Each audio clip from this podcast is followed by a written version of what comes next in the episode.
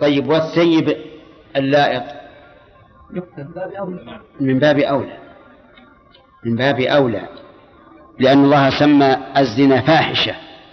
فقال ولا تقربوا الزنا إنه كان فاحشة. وأما اللواط فسمي الفاحشة. كما قال لوط عليه الصلاة والسلام أتأتون الفاحشة؟ وأل هذه تدل على أنها فاحشة عظمى والعياذ بالله؟ والنفس بالنفس. ولا بد من شروط. يعني إذا قتل قتل. والثالث التارك لدينه المفارق للجماعة. هل هما صفتان لموصوف واحد؟ بحيث نقول إن التارك لدينه مفارق للجماعة. وأن من فارق الجماعة فقد ترك دينه. هذا يرجع إلى النصوص الأخرى. فيقال إذا اجتمع الوصفان فلا شك في أنه حلال الدم.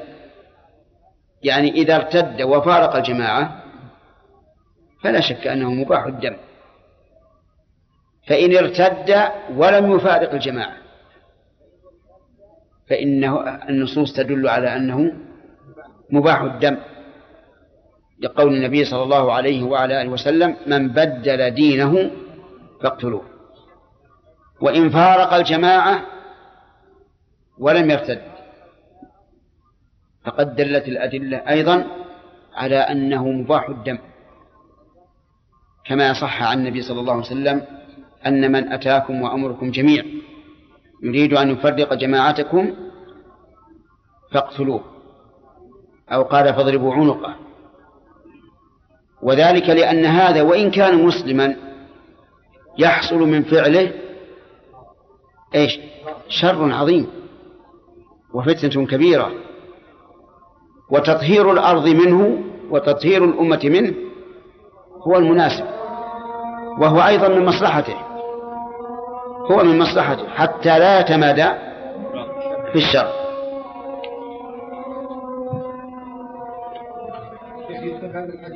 نعم. أي نعم. يكتب. ومن يحرر حديث الربيع؟ نعم. إيش؟ نعم. يقول النووي له كلام فيه. له كلام فيه؟ طيب من يحرر لنا؟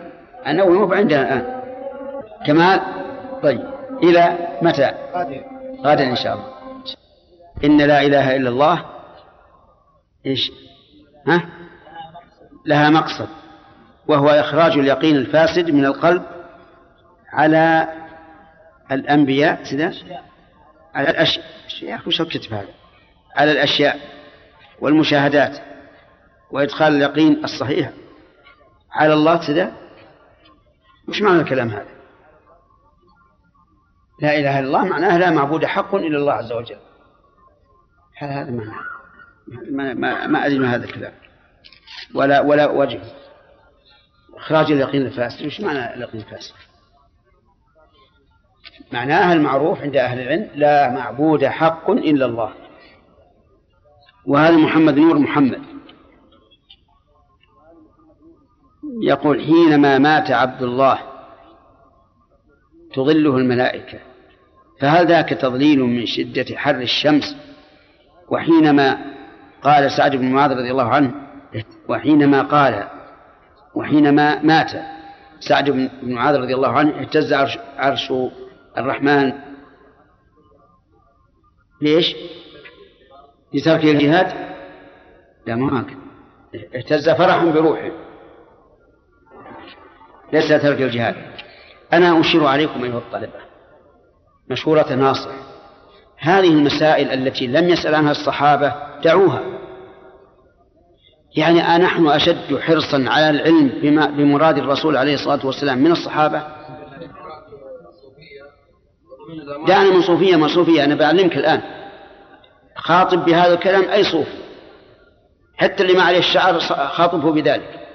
اللي ما له الصوف خاطبه بهذا أيضا. قل له هل أنت أعلم من الصحابة أو أشد حرصا على العلم من الصحابة؟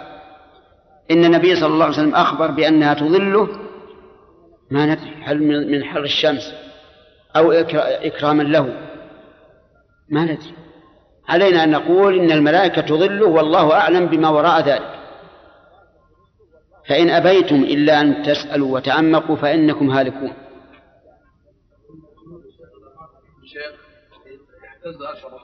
نعم. إذا ما فيه من القطب الولي تظلهم الملائكة. نعم. نحن نريد نعد لهم عدة نقول لهم هذا غلط. نعم نقول هذا كذب. من قال لكم هذا؟ مات أشرف من, من, من أوليائكم ولا نقول أن تضلوا الملائكة. مات أبو بكر وعمر وعثمان وعلي وابن مسعود وابن عباس غيره ما نقول تضله الملائكة. أفهمت؟ ذولا باطلهم سهل رده. رده سهل. فإن ادعوا أنهم يعلمون الغيب فقد أعلنوا كفرهم وخروجهم من دين الإسلام. لأن الله يقول قل لا يعلم من في السماوات والأرض الغيب إلا الله. نبدأ. بسم الله الرحمن الرحيم. الحمد لله رب العالمين والصلاة والسلام على أشرف الأنبياء والمرسلين نبينا محمد وعلى آله وأصحابه أجمعين. أما بعد فقد قال الإمام مسلم رحمه الله تعالى في صحيحه كتاب القسامة حدثنا ابن نمير قال حدثنا أبي حا وحدثنا ابن أبي عمر قال حدثنا سفيان حا وحدثنا إسحاق بن إبراهيم وعلي بن خشرم قال أخبرنا عيسى بن يونس كلهم عن الأعمش بهذا الإسناد مثله. حدثنا أحمد بن حنبل ومحمد بن المثنى واللفظ لأحمد قال حدثنا عبد الرحمن بن مهدي عن سفيان عن الأعمش عن عبد الله بن مرة عن مسروق عن عبد الله قال قام فينا رسول الله صلى الله عليه وسلم فقال والذي لا إله غيره لا يحل دم رجل, دم رجل مسلم يشهد أن لا إله إلا الله وأني رسول الله إلا ثلاثة نفر التارك الإسلام التارك الإسلام المفارق للجماعة أو الجماعة شك فيه أحمد والثيب الزاني والنفس بالنفس. قال الأعمش فحدثت به إبراهيم فحدثني عن الأسود عن عائشة بمثله وحدثني حجاج بن الشاعر والقاسم بن زكريا. قال حدثنا عبيد الله بن موسى عن شيبان عن الأعمش في الإسنادين جميعا نحو حديث سفيان ولم يذكرا في الحديث قوله والذي لا إله غيره.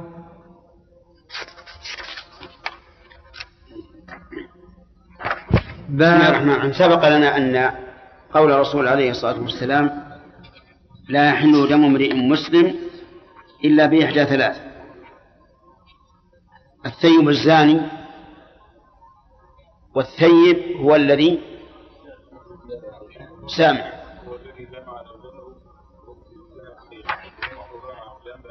نعم. والثاني النفس بالنفس. الله محمد. ها. يعني من قتل شخصا قتل به. طيب هذا العموم لا يمكن أن يخرج شيء من أفراده إلا بدليل. فمن قال مثلا لا يقتل الحر بالعبد قلنا هات الدليل. من قال لا يقتل الوالد بولده قلنا هات الدليل. من قال لا يقتل العالم بالجاهل قلنا هات الدليل. من قال لا يقتل الرجل بالمرأة قلنا هات الدليل. لأن لدينا كلاما من ممن هو أفصح المتكلمين وأعلم المتكلمين المتكلمين بشريعة الله وأنصحهم لعباد الله. يقول النفس بالنفس. فخذ هذا هذا العموم. ومن ادعى خروج شيء من أفراده فعليه فعليه الدليل. وحينئذ لا بد أن نرجع إلى شروط القصاص التي ذكرها الفقهاء رحمهم الله. ونمحصها وننزلها على هذا الحديث. وهو مطابق تماما لقول الله تعالى وكتبنا عليهم فيها أن النفس بالنفس. التارك لدينه المفارق الجماعة. قلنا التارك لدينه هو المرتد. المفارق الجماعة ذكرنا بالأمس أنه الأخ ولو كان مسلما. أو هذا المفارق الجماعة. لكن ذكرنا معنى آخر. يعني هل المفارق الجماعة وصف للتارك لدينه؟ فيكون التارك لدينه المرتد مفارق للجماعة لجماعة المسلمين. أو إن كل واحد كل وصف يثبت به إباحة الدم. التارك لدينه المرتد والمفارق للجماعة أي لجماعة المسلمين في بيعة ولي الأمر. وذكرنا أن النصوص وردت بهذا وهذا. فقد قال النبي صلى الله عليه وسلم من بدل دينه فاقتلوه. وقال ما أتاكم وأمركم جميعا يريد أن يفرق جماعتكم ويشق عصاكم أظن فاضربوا عنقه. فيكون صالحا لهذا وهذا. نعم. أي هذا هذا أنت اللي كاتبه؟ طيب. نقرأه. هذا قضية الأنصارية. ربيع نقرأه الآن. بسم الله الرحمن الرحيم.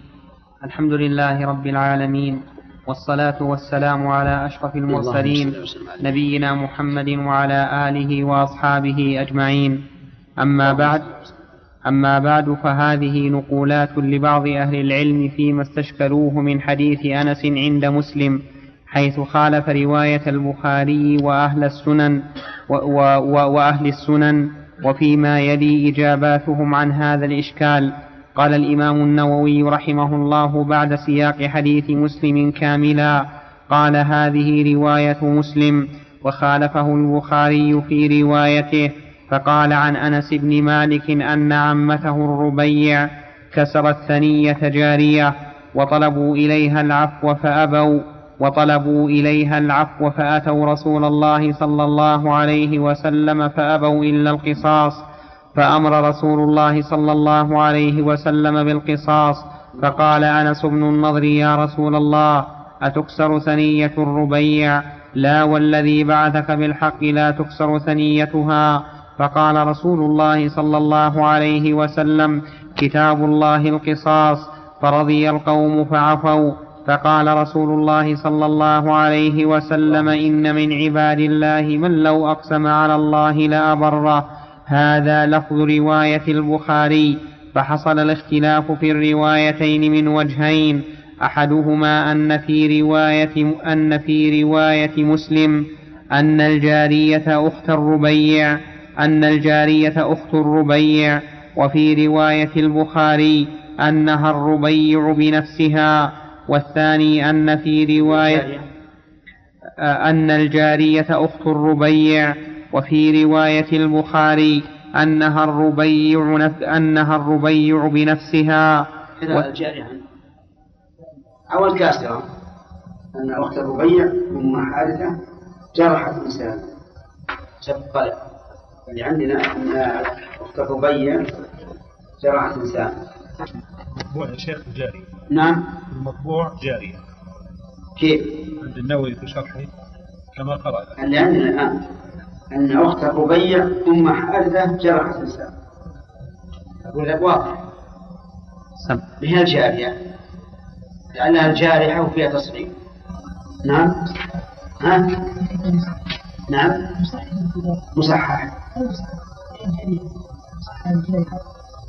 ولعلها جارحة أحدهما أن في رواية مسلم أنها أخت الربيع وفي رواية البخاري أنها الربيع بنفسها والثاني أن في رواية مسلم أن الحارث لا تكسر ثنيتها هي أم الربيع بفتح الراء وفي رواية البخاري أنه أنس بن النضر قال العلماء المعروف في الروايات رواية البخاري وقد ذكرها من طرقه الصحيحة كما ذكرنا عنه وكذا رواه أصحاب السنن. قلت إنهما قضيتان أما الربيع الجاد قلت إنهما قضيتان أما الربيع الجارحة في رواية البخاري وأخت الجارحة في رواية مسلم فهي بضم الراء وفتح الباء وتشديد الياء. وأما أم الربيع الح... وأما أم الربيع الحالفة في رواية مسلم فبفتح الراء وكسر الباء وتخفيف الياء. وقال الأبتي في شرحه على على مسلم قوله إن أخت الربيع كذا في مسلم والذي في البخاري أنها الربيع لا أختها. قال فيه عن أنس بن مالك أن عمته الربيع كسرت ثنية جارية وهذا هو المعروف. والربيع هذه هي بنت النضر أخت أنس بن النضر وعمة أنس بن مالك. قال الحافظ في الإصابة في ترجمة الربيع بعد أن أورد الحديث من صحيح البخاري وأما ما وقع في صحيح مسلم من وجه آخر عن أنس أن أخت الربيع أن أخت الربيع جرحت إنسانا. فذكره وفيه فقالت أم الربيع يا رسول الله يقتص من فلانة فتلك قصة أخرى إن كان الراوي حفظ وإلا فهو وهم من بعض رواته ويستفاد إن كان محفوظا أن لوالدة الربيع صحبة. وقال في فتح الباري عند شرح قوله وجرحت أخت الربيع إنسانا. فقال النبي صلى الله عليه وسلم القصاص. وهذه الجملة أوردها البخاري رحمه الله معلقة في باب القصاص بين الرجال والنساء في الجراحات.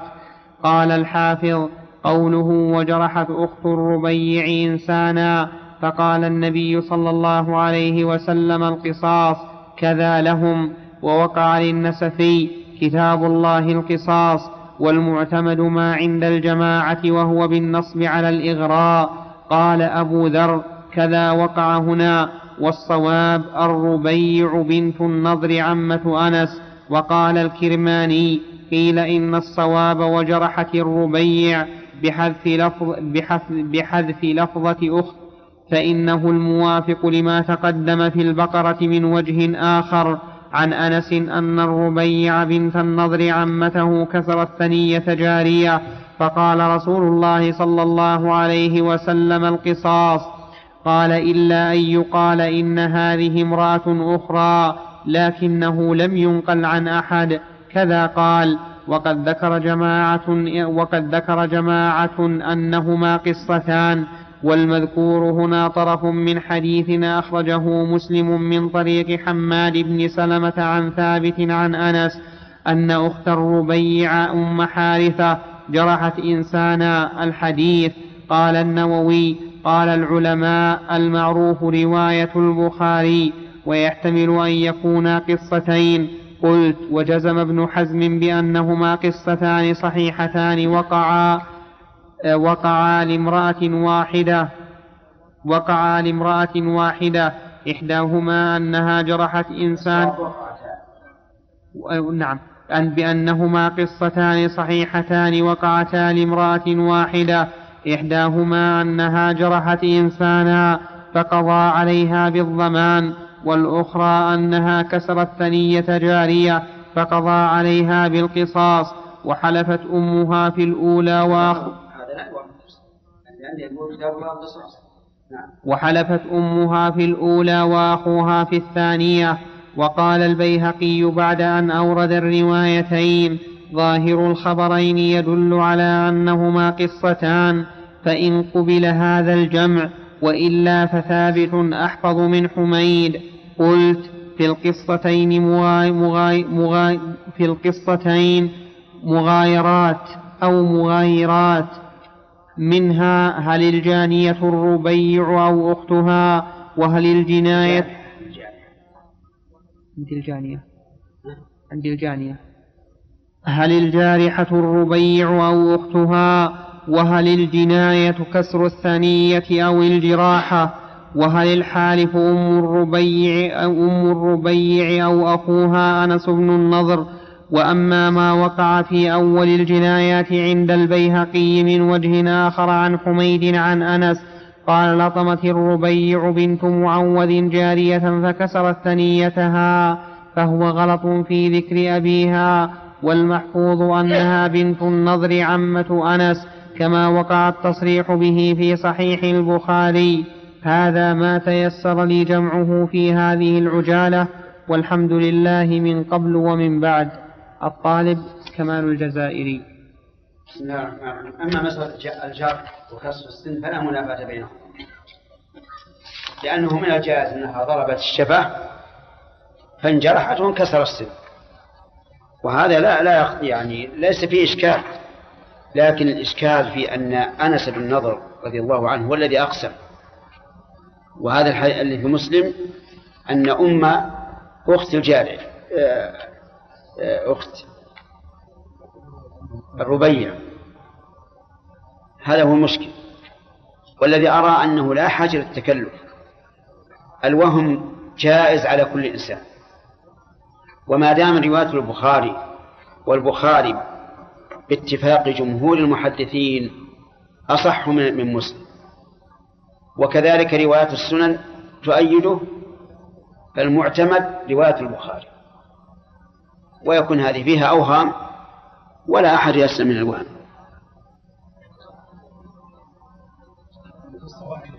أي نعم القصة واحدة. ويبعد أن الرسول عليه الصلاة والسلام يقول كتاب الله القصاص ثم يعاد مرة ثانية ثم يعترضون. هذا بعيد بعيد جدا.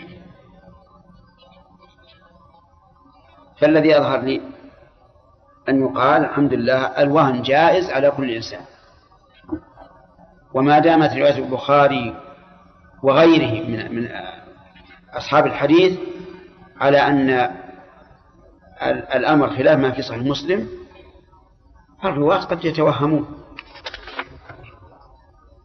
نعم. نعم يا سليم. الذي الصلاة. الذي؟ يترك الصلاة عمدا. يتكابرون بعض الناس يتكابرون كفر كفر وبعض عند عند بعض الناس. كان هو خارج للجماعة يا شيخ ما هو خارج للجماعة لأنه يؤكد على المفاسدة حتى الجنات من من يبغى من يبغى يضر الدين سووا مثله. يصير مفتاح شر لنفسه وغيره ما فهمت المقصود من السؤال من الكلام هذا وش المقصود منه؟ أصل الصلاة. هو مفارق للجماعة ولا ولا صف الجماعة؟ ما في شك مفارق للجماعة؟ مفارق لجماعة المسلمين. لأن المسلمين يقيمون الصلاة ويؤتون الزكاة. وهذا مفارق. لكن ما حاجة نقول حتى حتى لو قلنا أنه غير مفارق مثلا أنه يؤدي الزكاة ويصوم رمضان فهو تارك لدين لأنه كافر دلت النصوص على كفره.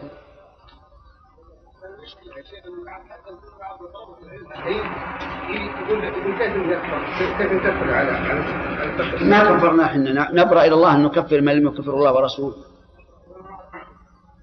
ونحن نؤمن بأن من كفر إنسانا لم يكفر الله ورسوله عاد كفره عليه.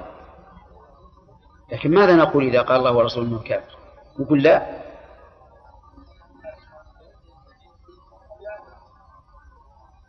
ما في أسئلة الآن. الآن قرأنا بحث. كان في نفس البحث هذا ما هو؟ النووي قال بفتح الراء لو أم الربيع. أي يقول إنها قصتين لا لا ما هي قصتين أبدا ما هي قصتين أنا لا أرى أنها قصتين إنها قصة واحدة والربيع أيضا كما أخطأوا في السياق أخطأوا في في التحريك الحركات. باب بيان إثم من سن القتل. حدثنا أبو بكر بن أبي شيبة ومحمد بن عبد الله بن نمير واللفظ لابن أبي شيبة. قال حدثنا أبو معاوية عن الأعمش عن عبد الله بن مرة عن مسروق عن عبد الله قال قال رسول الله صلى الله عليه وسلم لا تقتل نفس ظلما إلا كان على ابن آدم الأول كفل من دمها. لأنه كان أول من سن القتل. قوله ظلما يعني أما إذا كان بحق فليس فيه إثم أصلا حتى يكون عليه كفل من, من, من إثمها. ولكن إذا كان ظلما فإن على القاتل الأول آه، كفل من دمها أي من إثم دمها. القاتل الأول قتل حسدا والعياذ بالله. لأنه لما قرب قربانا فتقبل من أحدهما ولم يتقبل من الآخر لأن الله عز وجل يتقبل من المتقين وقد علم أن الثاني ليس, ليس من المتقين. حسده قال لا أقتلنك على أي شيء على أي شيء؟ أسألكم. لأن الله على أن الله قد وذلك فضل الله يتم من يشاء. فقال له إنما يتقبل الله من المتقين. ولم يقل ذلك تزكية لنفسه لكن تعريضا بأخيه وحثا له على التقوى. كأنه يقول لو اتقيت الله لقبل منك فاتق الله حتى يقبل منك. ثم قال له لئن بسطت إلي يدك لتقتلني أي مددتها إلي لتقتلني؟ ما أنا بباسط يدي, يدي إليك لأقتلك إني أخاف الله رب العالمين. الله. وهذه من تقواه. وكون هذا يبسط يده إليه ليقتله يدل على إيش؟ على عدم التقوى. ما أنا بباسط ليقتلك إني أخاف الله رب العالمين فطوعت له نفسه قتل أخيه. نسأل الله العافية. طوعته أي سهلته له وذللته له فقتله فأصبح من الخاسرين. خسر الدنيا والآخرة والعياذ بالله. هو أول من سن القتل لأنه ابن آ... لأنه ابن آدم لصلبه. فكان كل من قتل نفسا بغير بغير حق يكون على هذا القاتل كفل من دمها والعياذ بالله. لأنه أول من سن القتل وهذا التعليل له فائدة عظيمة وهو أن من سن إثما فإن عليه إثم آه، من استن به. وهو شاهد الحديث الصحيح من سن في الإسلام سنة سيئة فعليه وزرها ووزر من عمل بها إلى يوم القيامة. وظاهر الحديث أن من فعلها وإن لم يعتقد أنه مستن بالأول فعلى الأول نصيب من الإثم. حتى وإن لم ينوي الاستنان به. وفيه الحذر من أن يسن الإنسان للناس من أن يسن الإنسان للناس من الآثام ما لم يكن يعرفونه. اللهم نعم. وحدثناه عثمان بن أبي شيبة قال حدثنا جرير. حا وحدثنا إسحاق بن إبراهيم قال أخبرنا جرير وعيسى بن يونس. حا وحدثنا ابن أبي عمر قال حدثنا سفيان كلهم عن الأعمش بهذا الإسناد. وفي حديث جرير وعيسى بن يونس لأنه سن القتل لم يذكرا أول. باب المجازاة بالدماء في الآخرة. إذا أراد به سن السنة هو يظن أنها سنة لكن بمراجعة أهل العلم عرف أنها بدعة ولكن قد أخذها عنه أناس ولا يستطيع مثلا الرجوع إليهم كلهم. فيعني هذا إذا تاب ومن توبته أن يعلن خلاف ما كان سنه من قبل. فإن الله يتوب عليه. يدركهم يعني. نعم حتى الذين لم يدركهم. وأما من قال من العلماء إن المبتدع لا توبة له فمقصودهم بذلك أنه لا توبة له مما مما حصل لأن الرجوع لأن الرجوع المقتدين به صعب. لكن لا يكلف الله نفسا إلا وسعها. فإذا علم أنه كان على بدعة ثم رجع إلى الله وكتب إن كان كاتبا من قبل أو قال وأعلن فإن الله يتوب عليه. أشكل عليك كون ابن آدم ندم على فعله. إيش؟ ندم على فعله. نعم. وكونه حمل الوزر هو لم يندم على توبة إلى الله لكن ندم على التعب الذي حصل له. ولا لو ندم توبة إلى الله لتاب الله عليه. مثل قول الشيطان. قال إني بريء منك إني أخاف الله رب العالمين. هو يخاف الله رب العالمين خوفا من عقابه؟ آه، آه، الذي هو خوف عباده؟ لا ما هو خوف عباده. نعم. باب المجازاة بالدماء في الآخرة وأنها أول ما يقضى فيه بين الناس يوم القيامة. حدثنا عثمان بن أبي شيبة وإسحاق بن إبراهيم ومحمد بن عبد الله بن نمير جميعا عن وكيع عن الأعمش. حا وحدثنا أبو بكر بن أبي شيبة قال حدثنا عبدة بن سليمان ووكيع عن الأعمش عن أبي وائل عن عبد الله قال قال رسول الله صلى الله عليه وسلم أول ما يقضى بين الناس يوم القيامة في الدماء. وائل عن عبد الله هذه دائما ترد. وائل هذا من أصحاب عبد الله بن مسعود رضي الله عنه. فإذا جاء مبهما وائل عن عبد الله عرفنا أن المبهم هو عبد الله بن مسعود. قوله أول ما يقضى بين الناس يوم القيامة في الدعاء في الدماء. فيه دليل على القضاء بين الناس يوم القيامة. وهذا لا أشكال فيه. لكن بماذا يبدأ يبدأ بالدماء. فالقاتل والآخذ مالا. أيهما الذي يبدأ بالقضاء؟ القاتل. لأن ذلك أعظم ما يكون. وهذا باعتبار حق الخلق. أما باعتبار حق الله فأول ما ينظر في عمل الإنسان الصلاة. لأنها أعظم شعائر الإسلام بعد الشهادتين. فإن قال قائل ألا يدل هذا الحديث على أن القاتل لا توبة له؟ لأن المقتول انتهى ارتحل عن الدنيا ولا يمكن أن يتحل له. فالجواب بلى. ولهذا نقول إن حق المقتول باقي إن حق المقتول باقي. لا يرتفع بتوبة القاتل. هكذا قال كثير من العلماء تعليقا على قول عبد الله بن عباس رضي الله عنهما إن القاتل عمدا لا توبة له. قالوا إن الإنسان الإنسان الذي يقتل عمدا يتعلق قتله ثلاثة حقوق. حق لله وهذا تنفع فيه التوبة بالاتفاق. وحق لأولياء المقتول وتحقيق التوبة فيه أن يسلم نفسه لأولياء المقتول. حق للقاتل لا يمكن أن يقضى في الدنيا بل يكون في الآخرة.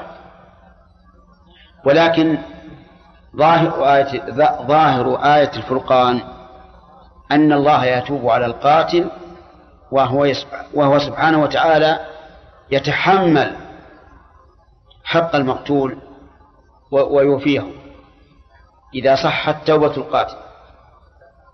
وهذا هو الصحيح. وعلى هذا فيحمل قول ابن عباس رضي الله عنهما أن حق المقتول لا يسقط بتوبة القاتل. هذا معنى قوله لا تقبل له توبة. أي أن حق المقتول لا يسقط بتوبة القاتل بل لا بد أن يرضى يوم القيامة ويستوفى له من عند من عند الغني الحميد عز وجل. نعم. حدثنا عبيد الله بن معاذ قال حدثنا أبي حا وحدثنا يحيى بن حبيب قال حدثنا خالد يعني ابن الحارث حا وحدثني بشر بن خالد قال حدثنا محمد بن جعفر حا وحدثنا ابن المثنى وابن بشار قال حدثنا ابن أبي عدي كلهم عن شعبة عن الأعمش عن أبي وائل عن عبد الله عن النبي صلى الله عليه وسلم بمثله غير أن بعضهم قال عن شعبة يقضى وبعضهم قال يحكم بين الناس. والمعنى واحد. المعنى واحد. القضاء والحكم بمعنى واحد. قال النبي صلى الله عليه وسلم لا يقضي القاضي بين اثنين وهو غضبان. يعني لا يحكم. قال الله تعالى إن ربك يقضي بينهم بإيش؟ بحكمه وهو السميع العليم. لكن من حرص الرواة جزاهم الله خيرا وغفر لهم من حرصهم على ضبط الأحاديث أنهم يتكلمون في هذا ليستدل به على محافظتهم التامة على ذكر الحديث بلفظه نعم. نعم. نعم. تخريج الآية أن هذه الإشكال في إيش؟ يعني أنه إذا هذا هذا في غير التائب. لكن الإشكال يبقى حتى في هذا التائب وهو أن ظاهر الآية العموم وقد سبق لنا تخريج هذا وقلنا أن الخلود الأصل فيه إيش؟ البقاء. الدوام يعني. أو أو المكث الدائم الطويل. الأصل أنه الخلود دائم. وإذا جاءت أبدا فهي من باب التوكيد. لكن هذا الحديث مطلق. فيه بيان السبب. والأسباب إذا وجد لها موانع نعم لا تنفذ. وحينئذ تبقى الآية على أن من فعل ذلك فإنه يخلد إلا أن يوجد مانع والمانع ما ندري هل يوجد أو لا يوجد. المانع ما هو؟ الإيمان. وهذا ما ندري هل يوجد أو لا يوجد لأنه جاء في الحديث الصحيح أيضا لا يزال المرء في فسحة من دينه ما لم يصب دما حراما. المسألة خطيرة. نعم. باب تغليظ تحريم الدماء والأعراض والأموال. حدثنا أبو بكر بن أبي شيبة ويحيى بن حبيب الحارثي وتقاربا في اللفظ.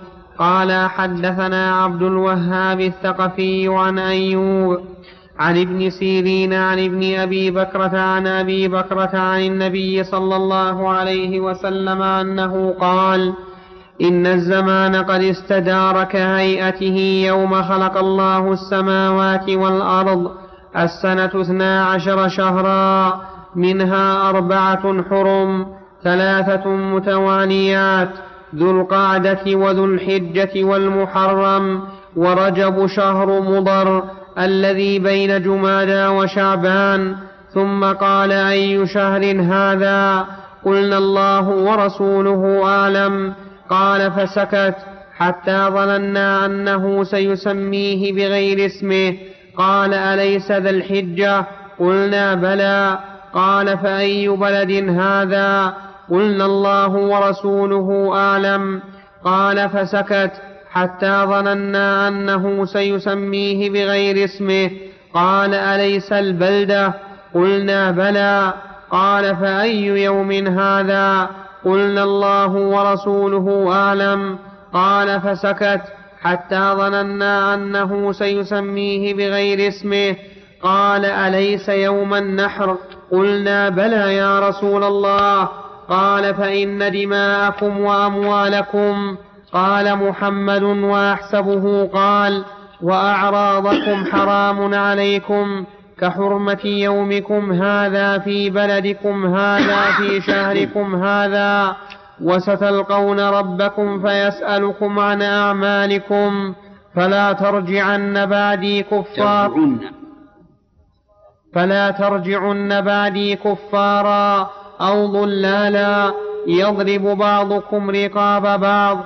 ألا ليبلغ الشاهد الغائب فلعل بعض من, يبل من يبلغه يكون أوعى له من بعض من سمعه. ثم قال ألا هل بلغت؟ قال ابن حبيب في فلعل فلعل. فلعل بعض من يبلغه من فلعل بعض من يبلغه يكون يبلغه. نعم. فلعل بعض من يبلغه يكون أوعى له من بعض من سمعه. ثم قال ألا هل بلغت؟ قال ابن حبيب في روايته ورجب مضر وفي رواية أبي بكر فلا ترجعوا بعدي. آه، يقول رحمه الله في هذا الحديث المترجم للأبواب باب تغليظ تحريم الدماء والأعراض والأموال.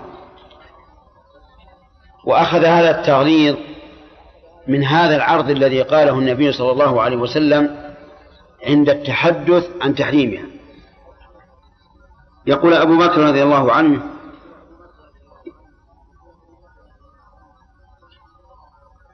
عن النبي صلى الله عليه وسلم أنه قال إن الزمان قد استدار كهيئته يوم خلق الله السماوات والأرض. الزمان يعني الوقت. استدار من الدوران. كهيئته يعني على الهيئة التي كان عليها يوم خلق الله السماوات والأرض. كما قال تعالى إن عدة الشهور عند الله اثنا عشر شهرا في كتاب الله يوم خلق السماوات والأرض.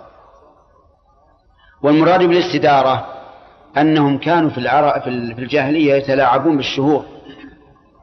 يحترمون الأشهر الحرم فلا يقاتلون فيها حتى إن الواحد منهم يجد قاتل أبيه في الشهر الحرام لا يقتله. فإذا كان لهم غرض أو أو كان لهم عمل, عمل آخر غيروا. أخروا المحرم إلى سفر. من أجل أن يستحلوا المحرم ويحترموا سفر. كما قال الله تعالى إنما النسيء زيادة في الكفر يضل به الذين كفروا يحلونه عاما ويحرمونه عاما. في السنة التي حج فيها رسول الله صلى الله عليه وسلم طابق النسيء الواقع وصارت الأشهر الحرم الثلاثة متوالية ذو القعدة وذو الحجة والمحرم حتى على التغيير الذي كان كانوا عليه في الجاهلية. وهذه من المصادفات الجيدة. أن يكون حج أن تكون حجة الرسول صلى الله عليه وسلم مطابقة لما كانوا عليه في الجاهلية. يقول يوم خلق الله السماوات والأرض السنة اثنا عشر شهرا. السنة اثنا عشر شهرا لا تزيد. وبماذا نعرف الشهر؟ بالهلال لقول الله تعالى يسألونك عن الأهلة قل هي مواقيت للناس والحج. وهذه الأشهر هي التي وضعها الله تعالى للعباد. قل هي مواقيت للناس عموما في ديونهم وآجالهم وغير ذلك والحج. لكن طال الأمد وتغير الوقت. ودخلت دخل الاستعمار الفكري على المسلمين وتغير المنهج. وصارت أكثر الدول الإسلامية لا تعتبر الأشهر الهلالية. حتى إن بعض القادمين إلى بلادنا ممن عاشوا في بلاد أخرى لا يعرفون الأشهر العرب بسم الله الرحمن الرحيم. الحمد لله رب العالمين. والصلاة والسلام على أشرف الأنبياء والمرسلين نبينا محمد وعلى آله وأصحابه أجمعين. أما بعد فقد قال الإمام مسلم رحمه الله تعالى في صحيحه. ما شرح حديث أبي بكر أن النبي صلى الله عليه وسلم سأل عن الشهر وعن المكان وسؤاله عليه الصلاة والسلام يريد أن نقرر تحريم الدماء والأموال والأعراض. فقال عليه الصلاة والسلام أي شيء هذا؟ قلنا الله ورسوله أعلم. قال فسكت حتى ظننا أنه سيسميه بغيره وهذا أن يلقي المسائل على الطلبة ثم يسكت لأجل أن ينتبه الناس أكثر لأن لأن الملقي إذا سكت يشغل الناس سوف يشغل الناس يقول ماذا ماذا جاوب ماذا يريد أن يقول؟ وقول حتى ظننا أنه سيسميه بغير اسمه فإن قال قائل لماذا لم نجيبه؟ لماذا قال الله ورسوله أعلم؟ لأنه لما سأل عن أمر معلوم ظنوا أن الاسم تغير وإلا فالرسول صلى الله عليه وسلم يعلم أنه شهر الحجة وهم يعلمون أيضا لكن لما سأل عن شيء معلوم ظنوا أنه سيسميه باسم آخر فقالوا الله ورسوله أعلم قال أليس الحجة قلنا بل وأليس هنا بالتقريب؟ والقاعدة أنه إذا دخلت همزة الاستفهام على ما يفيد النفي فهي التقريب. هذا الغالب مثل ألم يجد ثلاثين فآوى ألم نشرح لك ألم يأتك النبأ وما كلما دخلت همزة على ما يفيد النفي فهي التقريب. أليس ذلك بقادر على الموت أليس الله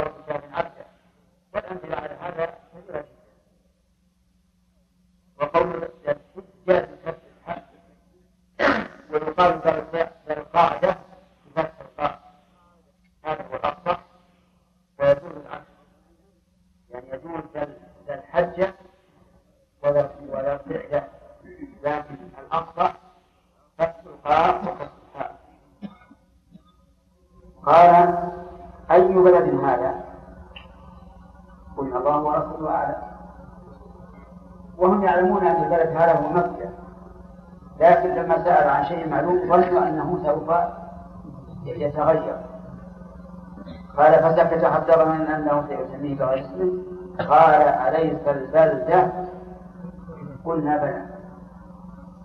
البلدة اسم من أسماء مكة. معروف عندهم. ولهذا قال أليست البلدة قالوا بلى. قال فأي يوم هذا؟ وهو يعلم صلى الله عليه وسلم أنه يوم النحر. لكن كما قلنا أولا تقرير ما سيأتي من الدماء والأموال قال أليس يوم النحر قلنا بلى يا رسول الله. قال إن دماء وأموالكم وأعراضكم حرام عليكم كحرمة يومكم هذا في شهركم هذا في بلدكم هذا في شهركم هذا. فأكد النبي صلى الله عليه وسلم هذه الدماء والأموال والأعراض. أما الدماء الكلام عليها وهي والأعراض هل معناه الغيبة أو انتهاك العرف بالزنا واللواط وما أشبه ذلك؟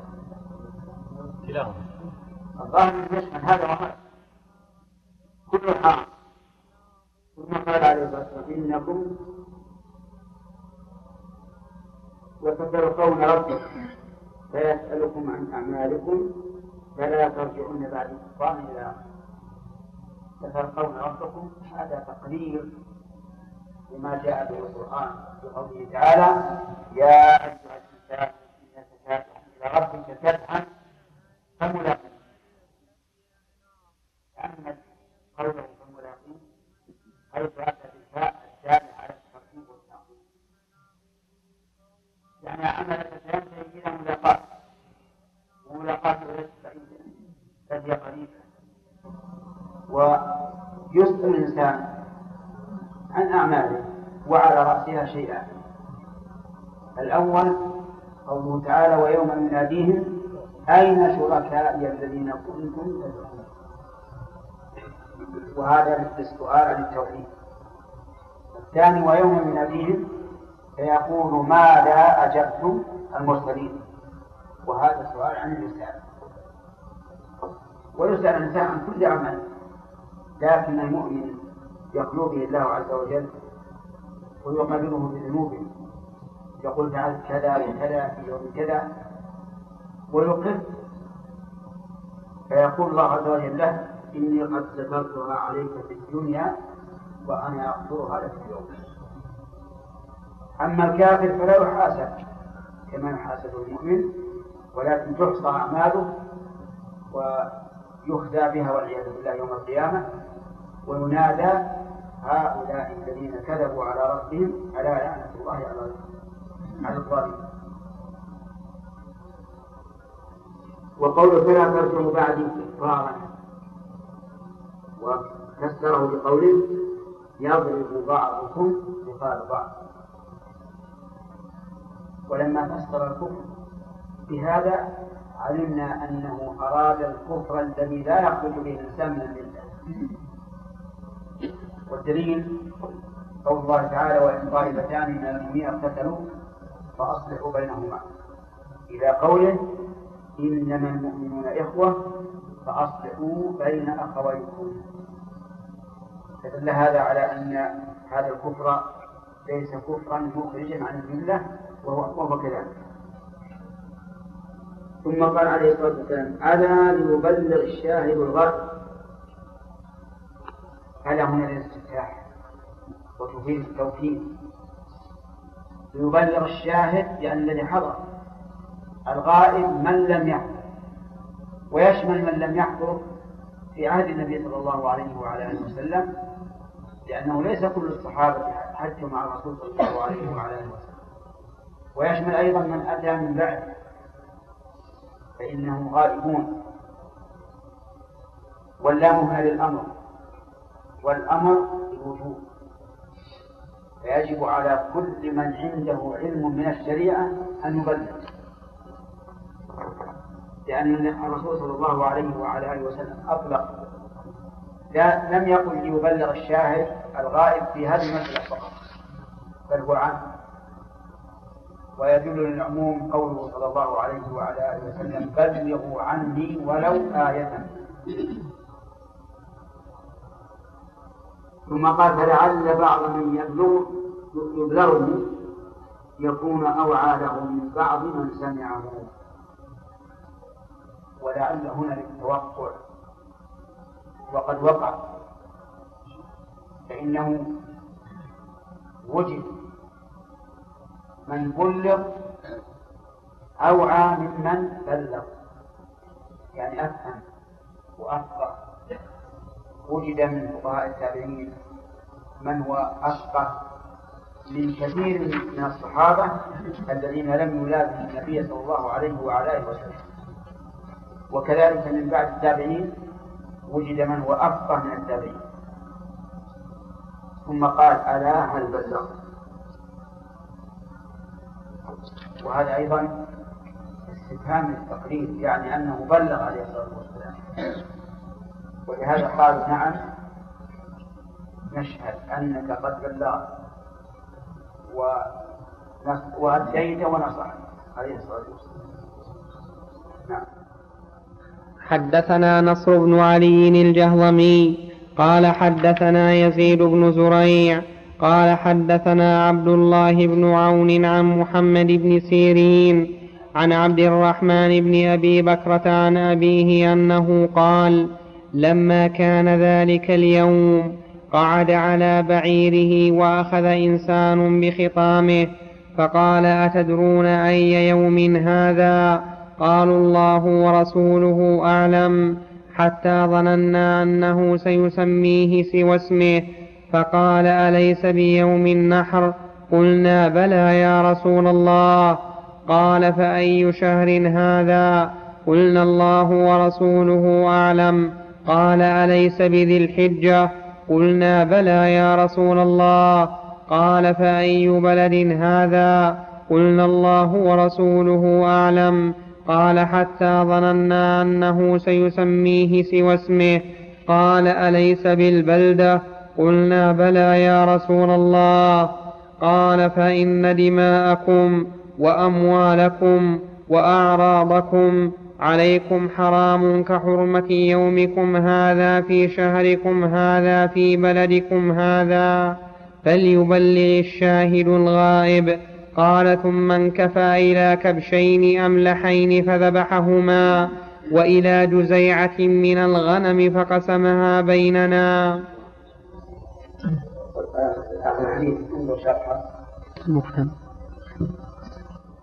وقوله ثم انكفى إلى كبشين أملحين فذبحهما وإلى جزيعة من الغنم فقسمها بيننا. انكفى انقلب ومال. والملحة أن يكون في الشاة لمع, لمع سود ويكون الغالب البياض والجزيعة القطيعة والجزع والجزع منقطع الوادي. ورواية الكافة آه، جزيعة جزيعة بالزاي. وقد قيدها بعضهم جزيعة في الذال وهو وهم. قال الدار قطني قوله ثم انكفى إلى كبشين إلى آخره. وهم من ابن عون فيما قيل وإنما رواه ابن سيرين عن أنس قلت إنما نسب هذا الوهم لابن عون لأن هذا الحديث قد رواه عن ابن سيرين أيوب السختياني وقرة بن خالد وانتهى حديثهما في خطبة النبي صلى الله عليه وسلم في حجة يوم النحر عند قوله ألا هل بلغت في رواية أيوب؟ وزاد قرة إلى هذا قالوا نعم قال اللهم اشهد وبعد قوله ألا هل بلغت زاد ابن عون عن ابن سيرين عن أبي بكرة ثم انكفى إلى كبشين أملحين فذبحهما وهذا الكلام إنما كان من النبي صلى الله عليه وسلم في خطبة عيد الأضحى على ما رواه أيوب وهشام عن ابن سيرين عن أنس بن مالك على ما ذكره مسلم في الضحايا عنه. قال أنس إن رسول الله صلى الله عليه وسلم صلى ثم خطب فأمر من كان ذبح قبل الصلاة أن يعيد ذبحا. قال وانكفى رسول الله صلى الله عليه وسلم إلى كبشين أملحين فذبحهما. فقام الناس إلى غنيمة فتوزعوها أو قال فتجزعوها. فكأن ابن عون اختلط عليه الحديثان فساقهما مساقا واحدا وأن ذلك كان في خطبة عرفة وهو وهم لا شك فيه. وقد فهم بعض علمائنا أن يوم الحج الأكبر يوم النحر من تعظيمه صلى الله عليه وسلم ليوم النحر بما ذكره في هذا الحديث وفيه نظر غير أنه قد ورد في بعض روايات البخاري أنه صلى الله عليه وسلم قال أي يوم تعلمونه أعظم؟ قالوا يومنا هذا وهذا حجة واضحة على ذلك وقد ذكرنا الخلاف في ذلك في كتاب الحج. قال لأن لأن هذه الخطبة كانت في منى.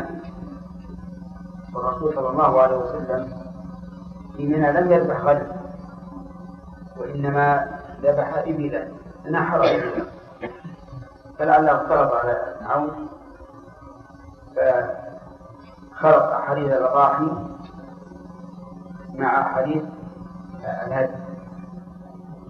حدثنا محمد بن المثنى قال حدثنا حماد بن مسعدة عن ابن عون أنه قال قال محمد قال عبد الرحمن بن أبي بكرة عن أبيه قال لما كان ذلك اليوم جلس النبي صلى الله عليه وسلم على بعير قال ورجل آخذ بزمامه أو قال بخطامه فذكر نحو حديث يزيد بن زريع.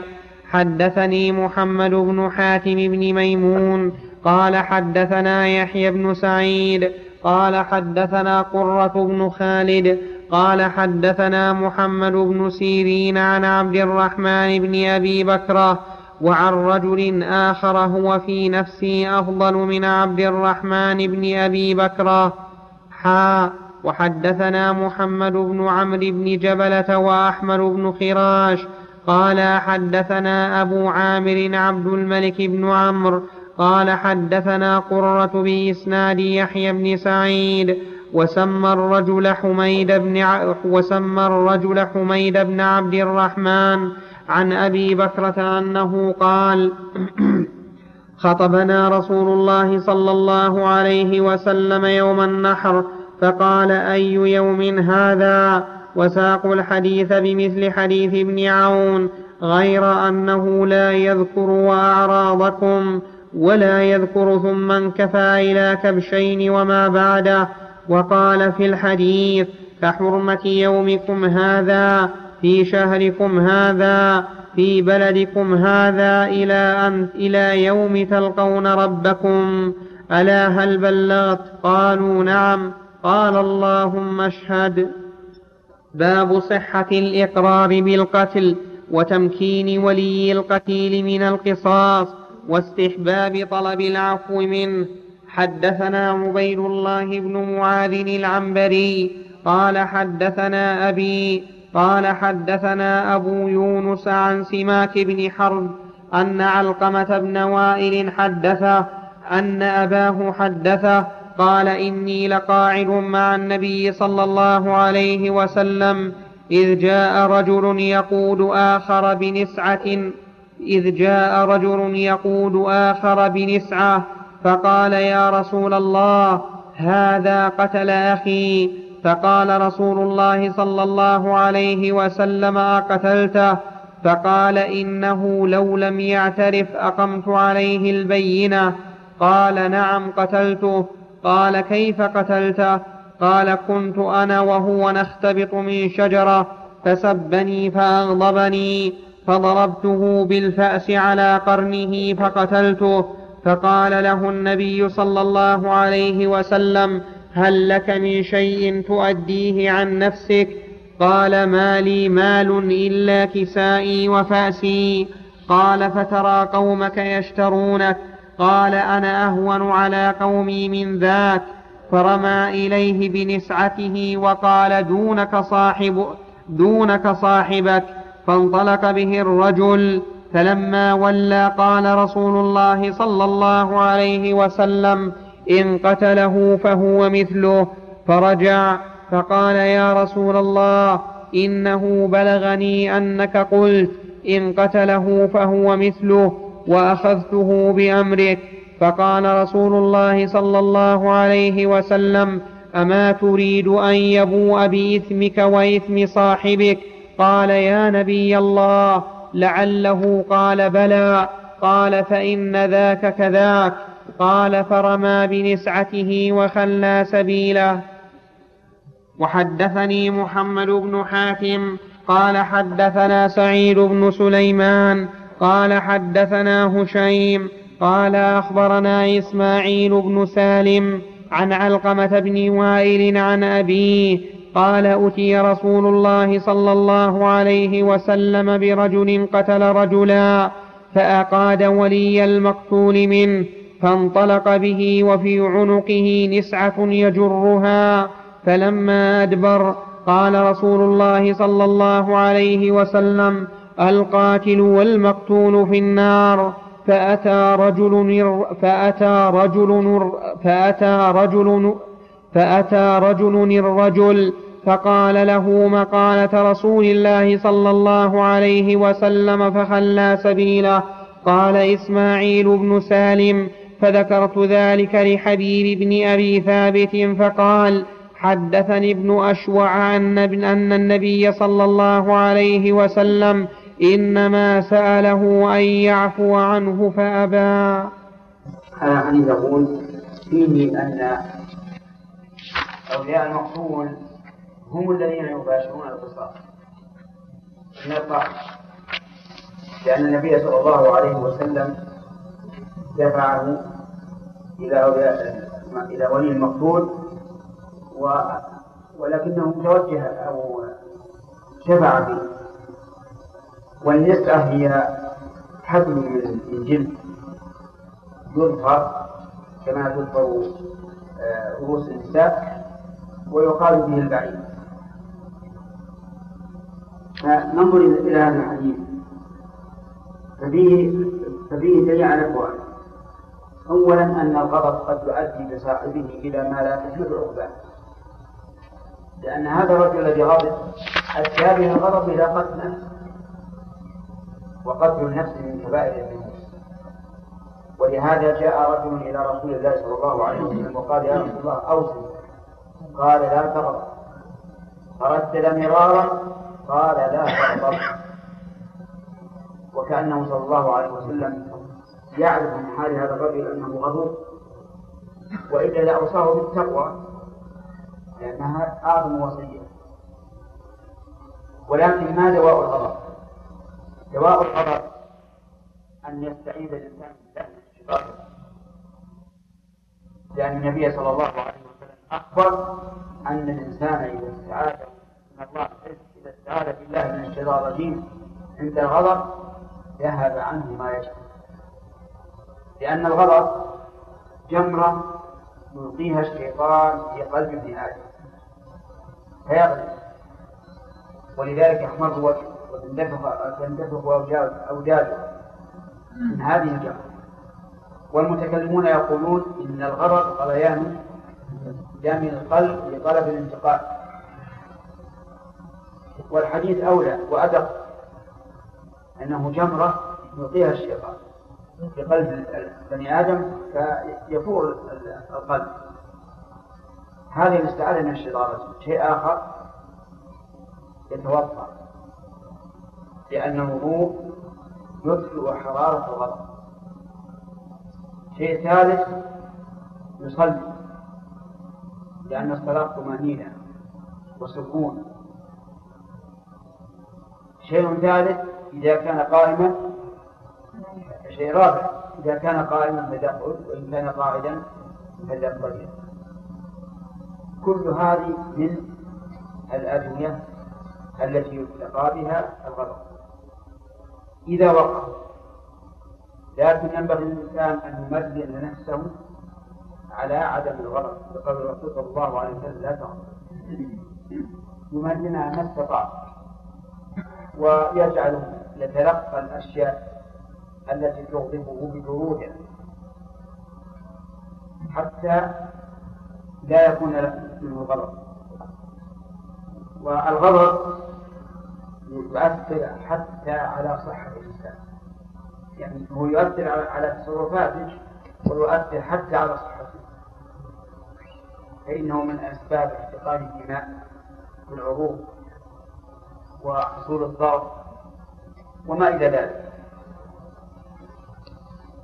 فإذا قال قائل إذا نفذ الإنسان غضبه فهل يؤاخذ به؟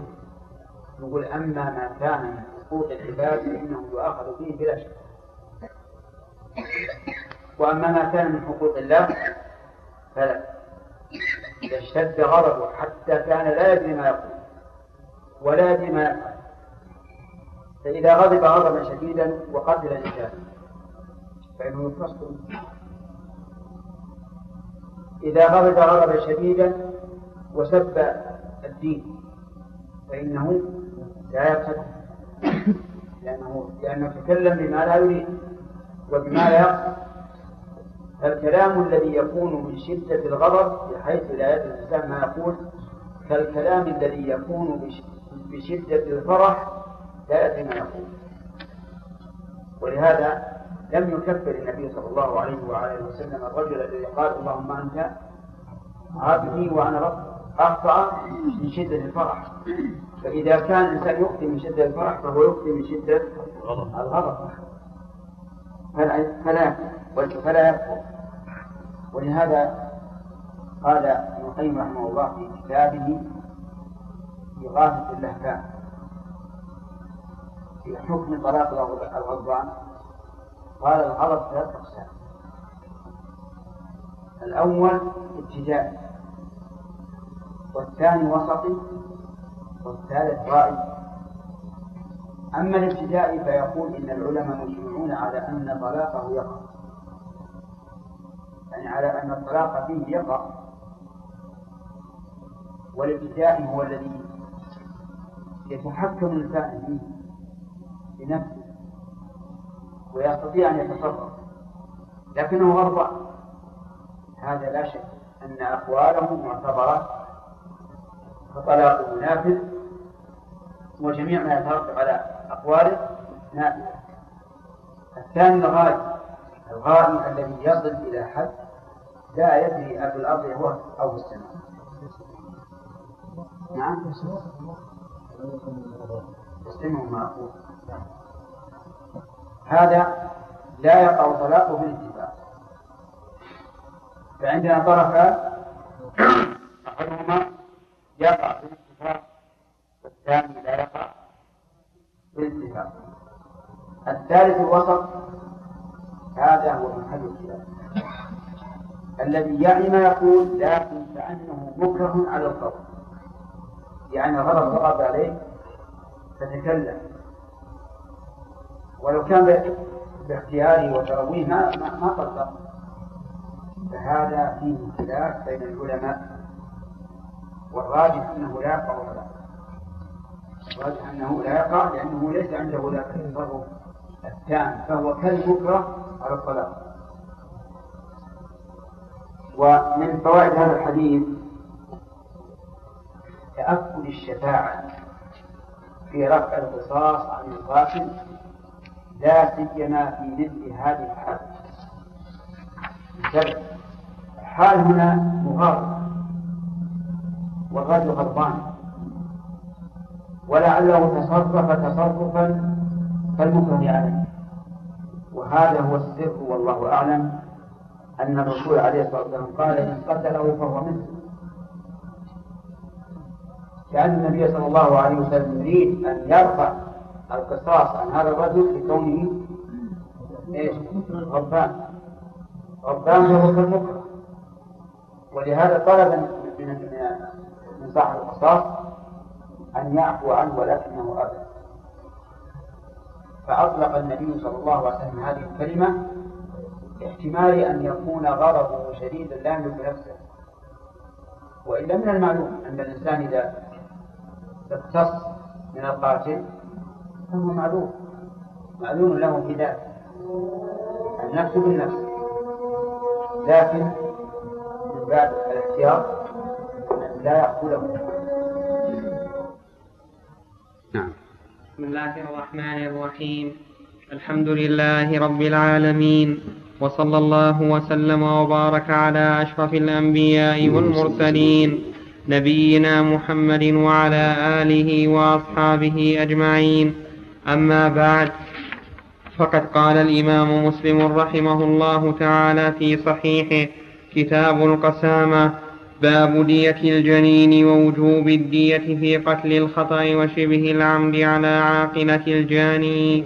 حدثنا يحيى بن يحيى قال قرأت على فيما سبق آه، جاءت الأحاديث في تحريم الدماء والأموال والأعراض. فكيف يتخلص الإنسان منها؟ نقول أما الدماء فيتخلص منها بتسليم نفسه لمن له الحق. إما المجني عليه إن كان باقيا مثل أن تكون الجراحة في شيء من جسده وإما بتسليم نفسه لأولياء المقتول. آه، بالنسبة للأموال يردها إلى صاحبها. فإن مات صاحبها فإلى ورثته. وحينئذ يجب أن يتثبت. فيجمع الورثة كلهم ويؤديهم المال. أو إذا وكلوا أحدهم وكالة الشرعية يعطيه المال. ولا يفرط في هذا الأمر.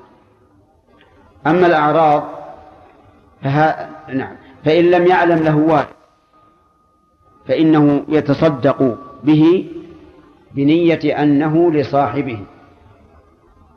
وصاحبه هنا هو هو الوارث لأنه انتقل من الميت إلى الوارث. فيبقى إذن حق الميت لأنه حرمه ماله من حين أخذه منه إلى إلى إيش؟ إلى أن مات ولم يرده عليه. هذا إذا كان قد تاب توبة نصوحا فإن الله سبحانه وتعالى يقضي عنه. أما الأعراض فأحسن ما قيل فيها أنه إن علم أن صاحبه علم بذلك فهنا لا بد أن يتحلله. يذهب إليه ويتحلله. وإن لم يعلم استغفر له وأثنى عليه بما يستحق في المجالس التي كان يغتابه فيها فإن الحسنات يذهبن السيئات. نعم. بسم الله الرحمن. كتاب القسامة. باب دية الجنين ووجوب الدية في قتل الخطأ وشبه العمد على عاقلة الجاني. حدثنا يحيى بن يحيى قال قرأت على مالك عن ابن شهاب عن أبي سلمة عن أبي هريرة أن امرأتين من هذيل رمت إحداهما الأخرى فطرحت جنينها فقضى فيه النبي صلى الله عليه وسلم بغرة عبد أو أمة. وحدثنا قتيبة بن سعيد قال حدثنا ليث عن ابن شهاب عن ابن المسيب عن أبي هريرة أنه قال قضى رسول الله صلى الله عليه وسلم في جنين امرأة من بني لحيان سقط ميتا سقط ميتا بغرة عبد أو أمة ثم إن المرأة التي قضي عليها بالغرة توفيت فقضى رسول الله صلى الله عليه وسلم بأن ميراثها لبنيها وزوجها وأن العقل على عصبتها. وحدثني أبو الطاهر قال حدثنا ابن وهب حا وحدثنا حرملة بن يحيى التجيبي قال أخبرنا ابن وهب قال أخبرني يونس عن ابن شهاب عن ابن المسيب وأبي سلمة بن عبد الرحمن أن أبا هريرة قال اقتتلت امرأتان من هذيل فرمت إحداهما الأخرى بحجر فقتلتها وما في بطنها فاختصموا إلى رسول الله صلى الله عليه وسلم فقضى رسول الله صلى الله عليه وسلم أن دية جنينها غرة عبد وليدة وقضى بدية المرأة على عاقلتها وورثها ولدها ومن معهم. فقام فقال حمل بن النابغة الهذلي يا رسول الله كيف أغرم من لا شرب ولا أكل ولا نطق ولا استهل فمثل ذلك يطل؟ فقال رسول الله صلى الله عليه وسلم إنما هذا من إخوان الكهان من أجل سجعه الذي سجع. وحدثنا عبد بن حميد قال أخبرنا عبد الرزاق قال أخبرنا معمر عن الزهري عن أبي سلمة عن أبي هريرة أنه قال اقتتلت امرأتان وساق الحديث بقصته ولم يذكر وورثها ولدها ومن معهم وقال فقال قائل كيف نعقل؟ ولم يسم حمل بن مالك. حدثنا إسحاق بن إبراهيم الحنظلي قال أخبرنا جرير عن منصور عن إبراهيم عن عبيد بن عن عبيد بن نضيلة الخزاعي عن المغيرة بن شعبة قال ضربت امرأة ضرتها بعمود بعمود فسطاط وهي حبلى فقتلتها. قال وإحداهما لحيانية قال فجعل رسول الله صلى الله عليه وسلم دية المقتولة على عصبة القاتلة وغرة لما في بطنها. فقال رجل من عصبة القاتلة أنغرم دية من لا أكل ولا شرب ولا استهل فمثل ذلك يطل. فقال رسول الله صلى الله عليه وسلم أسجع كسجع الأعراب؟ قال وجعل عليهم الدية. وحدثني محمد بن رافع قال حدثنا يحيى بن آدم قال حدثنا مفضل عن منصور عن إبراهيم عن عبيد بن نضيلة عن المغيرة بن شعبة أن امرأة قتلت ضرتها بعمود فسطاط فأتي فيه رسول الله صلى الله عليه وسلم فقضى على عاقلتها بالدية. وكانت حاملا فقضى في الجنين بغرة فقال بعض عصبتها أندي من لا, من لا طعم ولا شرب ولا صاح فاستهل ومثل ذلك يطل. قال فقال سجع كسجع الأعراب. حدثني محمد بن حاتم ومحمد بن بشار قال حدثنا عبد الرحمن بن مهدي عن سفيان عن منصور بهذا الإسناد مثل معنى حديث جرير ومفضل. وحدثنا أبو بكر بن أبي شيبة ومحمد بن المثنى وابن بشار.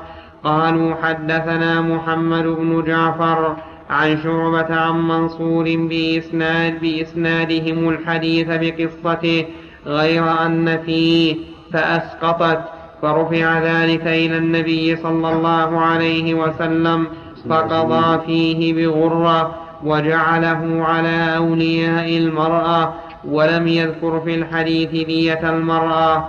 وحدثنا أبو بكر بن أبي شيبة وأبو كريب وإسحاق بن إبراهيم واللفظ لأبي بكر. قال إسحاق أخبرنا وقال الآخران حدثنا وكيع. عن هشام بن عروة عن أبيه عن المسور بن مخرمة أنه قال استشار عمر بن الخطاب الناس في ميلاص المرأة فقال المغيرة بن شعبة شهدت النبي صلى الله عليه وسلم قضى فيه بغرة عبدنا وأنا قال فقال عمر ائتني بمن يشهد معك. قال فشهد له محمد بن مسلمة.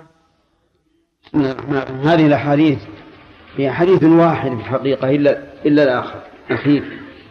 تضمن شيئين الشيء الأول دية الجنين يعني الحمل في البطن إذا جني على أمه فسقط ميتا. ففيه غرة. عبد أو أمة. الغرة من الشيء أحسنه و و و وأفضله. ومنه سمي البياض غرة لأنه أفضل الألوان. وأفضل الأموال هم الأرقاء ولذلك قال غرة عبد أو أمة. يعني إما ذكر وإما أنثى.